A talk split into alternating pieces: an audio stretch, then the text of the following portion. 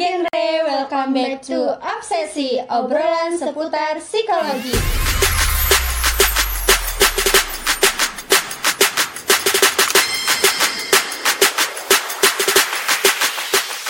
Halo teman-teman, kenalin nama aku Salma dari Divisi Konselor Sebaya dan partner aku Halo teman-teman, nama aku Isna, aku dari Divisi Pendidik Sebaya. Nah teman-teman, obsesi kali ini kita mau bahas mengenai galau di tengah pandemi Nah, Kak Isna apa sih yang kakak rasain di pandemi kali ini? Nah teman-teman, aku tuh selama pandemi ini ngerasa kayak galau gitu loh teman-teman. Soalnya kan kita daring, maksudnya kuliah kita Iya. daring, nggak bisa ketemu teman-teman juga, jadi kayak bosen di rumah. Bener gitu. banget sih, aku juga ngerasain gitu kak Nah, aku juga galau banget nih Gimana kalau kita cari solusinya ke narasumber kita Ayo, Ayo kita panggilin ya, satu, dua, tiga Kak Zulfa. Halo teman-teman, perkenalin eh perkenalan dulu ya. perkenalan dulu ya, nama aku Zulfa Tunuhia. Aku biasa dipanggil Zulfa. Di Big Masirija ini jabatan aku itu sebagai BPH, lebih tepatnya sih di bendahara. Oke, hari ini kita bakal ngomongin tentang galau di tengah pandemi ya, Kak ya. Iya. Pandemi pandemi corona ini udah di Indonesia itu sekitar tahun 2020-an ya. Iya, Tepatnya di bulan Maret, Maret. Itu tuh pasti banyak banget loh dampak-dampak si corona datang ini gitu kan. Dari dampak yang signifikan ini paling menyerang itu anak-anak remaja. Kenapa anak-anak remaja? Karena kita biasanya biasa nih nongki-nongki asik kayak gitu sama teman-teman, terus belajar santuy apa intinya lebih ketemu dengan orang lain. Ketika masa remaja kita kan seneng banget nih ketemu dengan orang lain. Nah, karena pandemi ini kita tuh bener-bener seperti di lockdown, seperti aktivitas kita dibatasi sehingga kita nggak bisa ketemu teman-teman kita nih kayak gitu. Nah itu menimbulkan banyak-banyak banyak banget dampak-dampak nih. Contohnya salah satunya kita jadi galau nih seperti Kak Isna tadi ngomong. Heeh, Kak Isna nggak bisa ketemu teman, kemudian iya bosan, terus plan-plan kita tuh hancur semua nih. Ada yang sampai dari yang ada yang ke delay sampai ke cancel ya kak ya. Ya, nah selain galau tadi, ada juga masalah-masalah utama lain nih yang dialami oleh para kaum muda nih. Yang pertama ada memiliki keraguan dalam diri, yang kedua kehilangnya harapan, dan ketiga merasa kesendirian nih kak. Kan tadi aku udah ngomongin nih tentang masalah utama nih di saat pandemi, apalagi khususnya buat remaja. Di sini kakak-kakak ada yang sedang ngalami atau pernah ngalami nggak sih dari ketiga hal itu? Iya nih kak, aku kayak ngerasa ragu dalam diri aku gitu loh kak. Kan ini cuma, eh ini di masa pandemi gitu kan. Nah, aku tuh selama pandemi cuma di rumah, main sosmed dan itu aku lihat di sosmed itu kayak kok orang lain hmm, bisa mencapai mimpinya itu kayak bisa kayak terwujud gitu loh kak. Nah, aku tuh ngerasa ragu aku bisa nggak sih kayak mereka gitu. Gimana sih kak caranya biar nggak ragu gitu loh dalam diri aku? Nah, oke Kak Isna. Selain itu buat Kak Salma ada nggak sih yang bikin Kak Salma ragu atau hal yang lain gitu tentang permasalahan ini? Kalau aku sih lebih ke merasa sendirian ya karena di masa pandemi ini kan banyak tugas terus daring ya kan nggak boleh ketemu sama teman-teman jadi di situ kurang eh, sos- sosialisasi jadi merasa sendirian Ya aja nggak bisa curhat-curhat Kak ya. Ah, bener banget Hmm. Nah, em, sebenarnya teman-teman itu tuh wajar banget buat Kak Isna, buat Kak Salma. Kenapa? Di masa remaja ini kita tuh lagi mengalami quarter life crisis nih. Quarter life crisis itu ya seperti kita tuh ngerasa aku tuh maunya apa. Terus ini kira-kira kalau aku tuh lihat orang lain tuh aku bisa sukses dia nggak sih? Intinya kita tuh bertanya-tanya nih kak dalam diri kita sendiri kayak gitu. Nah, apalagi didukung sama si corona ini gitu, overthinkingnya kita tuh jadi berlebihan. Heeh, ya nggak sih jadinya, uh jadi nggak karuan kan. Yang pertama dari permasalahannya kak Isna ya memiliki keraguan dalam diri ya kak ya masuknya. Keraguan dalam diri itu wajar banget ketika kita lihat pencapaian orang lain nih pasti ya Allah aku tuh bisa nggak sih kayak dia gitu kan Bener banget kak. Itu tuh wajar banget biasanya dampaknya bagi kita ya kayak kitanya jadi overthinking kayak gitu kan insecure gitu ya Mm-mm.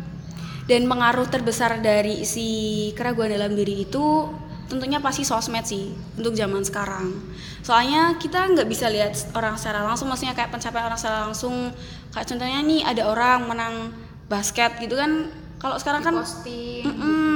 Lihatnya melalui postingan kayak gitu. Dan itu intinya wajar banget sih kak. Dan buat kak si- kak Salma merasa sendiri ya gimana ya pandemi gini kita sekolahnya online dan nggak bisa ketemu. Mm-mm, segalanya tuh terbatas. Kita ketemu aja kalau awal-awal pandemi kan harus bener-bener ngumpet-ngumpet ya nggak nggak bisa selos kayak sekarang gitu.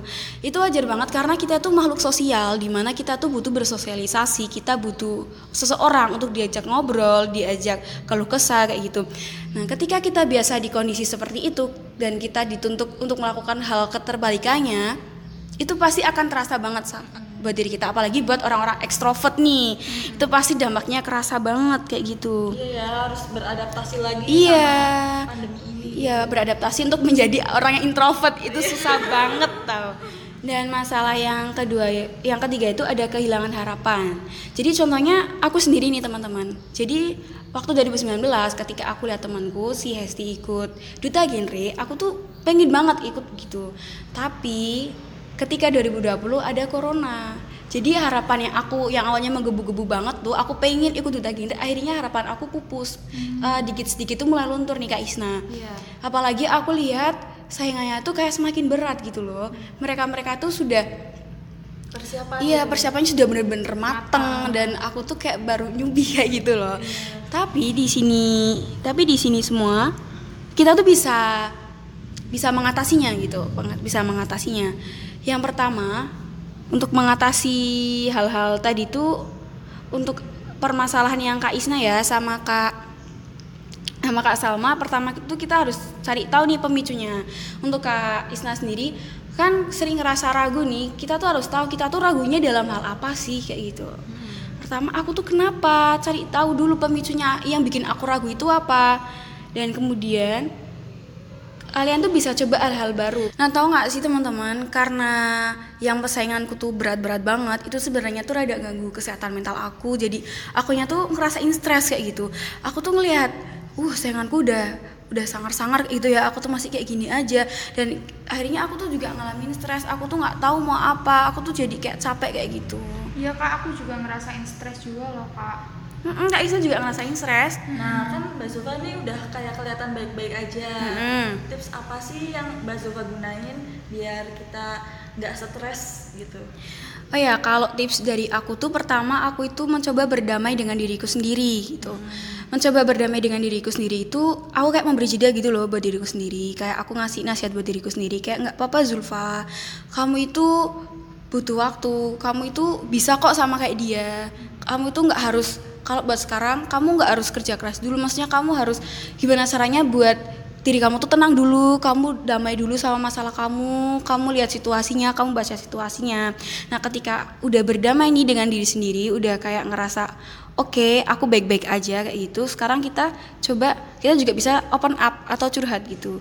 Curhat ke teman kita. Bisa juga kalau permasalahan-permasalahan ini kalian nggak percaya nih sama teman kalian, kalian bisa kok curhat ke psikolog kayak gitu tapi emang lebih enak tuh curhat sama teman sendiri ya. Tapi pandemi kayak gini mungkin susah buat ketemunya ya. Kita juga bisa memanfaatkan via online. Iya kayak Mm-mm. uh, terus ada curhat bun juga. Mm. oh iya ada curhat bun juga ya di Bigma. Itu bisa banget tuh kak. Eh, buat kita yang bingung nih mau curhat ke mana nggak percaya sama temen itu bisa loh pakai curhat bun ya. Ya kayak gitu. Nah ketika kita curhat maka kita tuh akan tahu nih lama-lama kan karena teman kita ngasih solusi oh iya kita jadi tahu nih akar permasalahannya itu apa gitu loh. Oh jadi ini yang bikin aku jadi stres kayak gitu ketika kita udah tahu nih akar permasalahannya apa yang kita yang bikin kita stres kemudian kita pasti akan menemukan solusinya. Contohnya kalau si Mbak Salma tadi kan stres ya Mbak Salma orangnya ekstrovert nih harus di rumah terus dikurung kan Mbak Salma akhirnya punya solusi seperti akhirnya bisa mainan sosmed kayak sekarang lagi gencarnya tuh kayak TikTok gitu kan. Terus bisa juga lihat postingan-postingan IG orang yang estetik-estetik gitu lihat YouTube gitulah kan jadi kayak eh, semangat lagi ya maksudnya kayak ke refresh lagi. Ya, berarti nyari hiburan gitu ya. Iya lebih ke nyari hiburan sih kalau stres itu. Habis kita udah stresnya udah hilang nih buat untuk mencapai tujuannya seperti Kak Isna kita bisa berpikir positif. Kayak aku tuh pasti bisa loh. Aku tuh pasti bisa. Kayak contohnya aku kemarin aja waktu sebenarnya baru kemarin banget nih aku ngerasain aku tuh ngerasain stres yang kayak gitu datang lagi ketika waktu aku duta genre persainganku tuh kayak berat banget gitu sainganku. Kayak rata-rata mereka tuh udah public speakingnya bagus rata-rata ada yang postingan sosmednya tuh udah bisa desain grafisnya udah luar biasa dan aku tuh masih stres karena tugas kuliah terus aku juga nggak maksimal nih ngerasa di duta genreku ini kayak gitu. Nah yang pertama itu ya aku berdamai dengan diriku sendiri terus aku curhat kemudian aku berpikir positif berpikir positifnya kayak gini aku itu bisa loh ngelakuin hal ini semua. Aku tuh bisa cuman cuman aku itu kemarin karena kehalang stres aja aku jadi kayak gini. Contohnya ke kita tuh manusia loh kita tuh makhluk yang bisa berkembang gitu. Kalau kita mikirnya aku nggak bisa aku nggak bisa itu kalian tuh kayak menyalahi kodrat gitu loh. Karena kita tuh emang ditakdirkan untuk berkembang. Kita berpikir positif aja kita tuh pasti bisa loh. Apalagi kita tuh semuanya tuh harus dimulai dengan pembelajaran. Kita bisa belajar di situ. Ketika kita belajar, kita terbiasa, apalagi kita banyak termotivasi nih dari lingkungannya. Akhirnya kita bisa, gitu. Kita jangan mikirin hal-hal gagalnya dulu nih Kak Isna. Kayak aku nanti bisa nggak ya itu itu urusan belakangan. Yang penting kita Optimis dulu. iya optimis dan kita mencoba dulu aja kayak Ya, gitu. Coba dulu aja.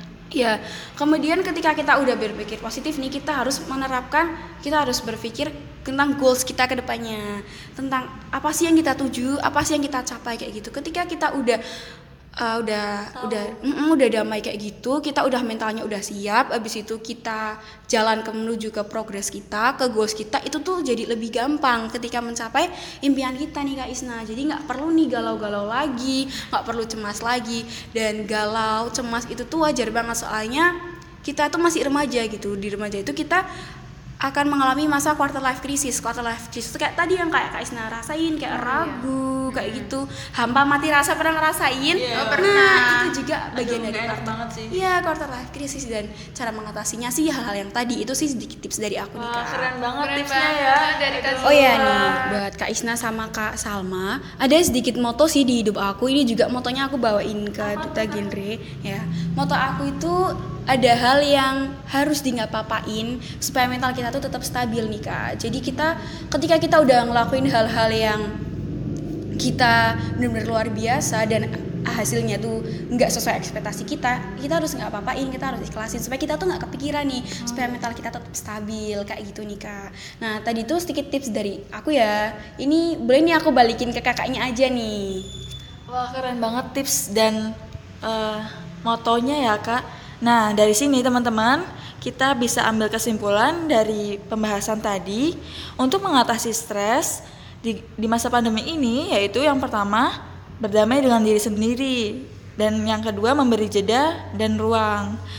Terus open up atau kita curhat ke teman-teman dan mencari akar permasalahannya yang tadi.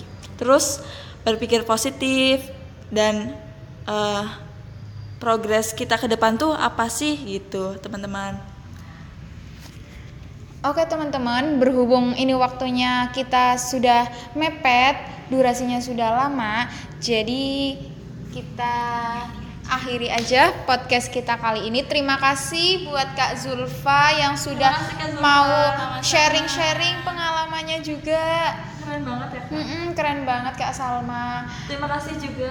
Buat teman-teman yang sudah mendengarkan podcast kita sampai selesai dan see you di podcast selanjutnya. See you, bye-bye.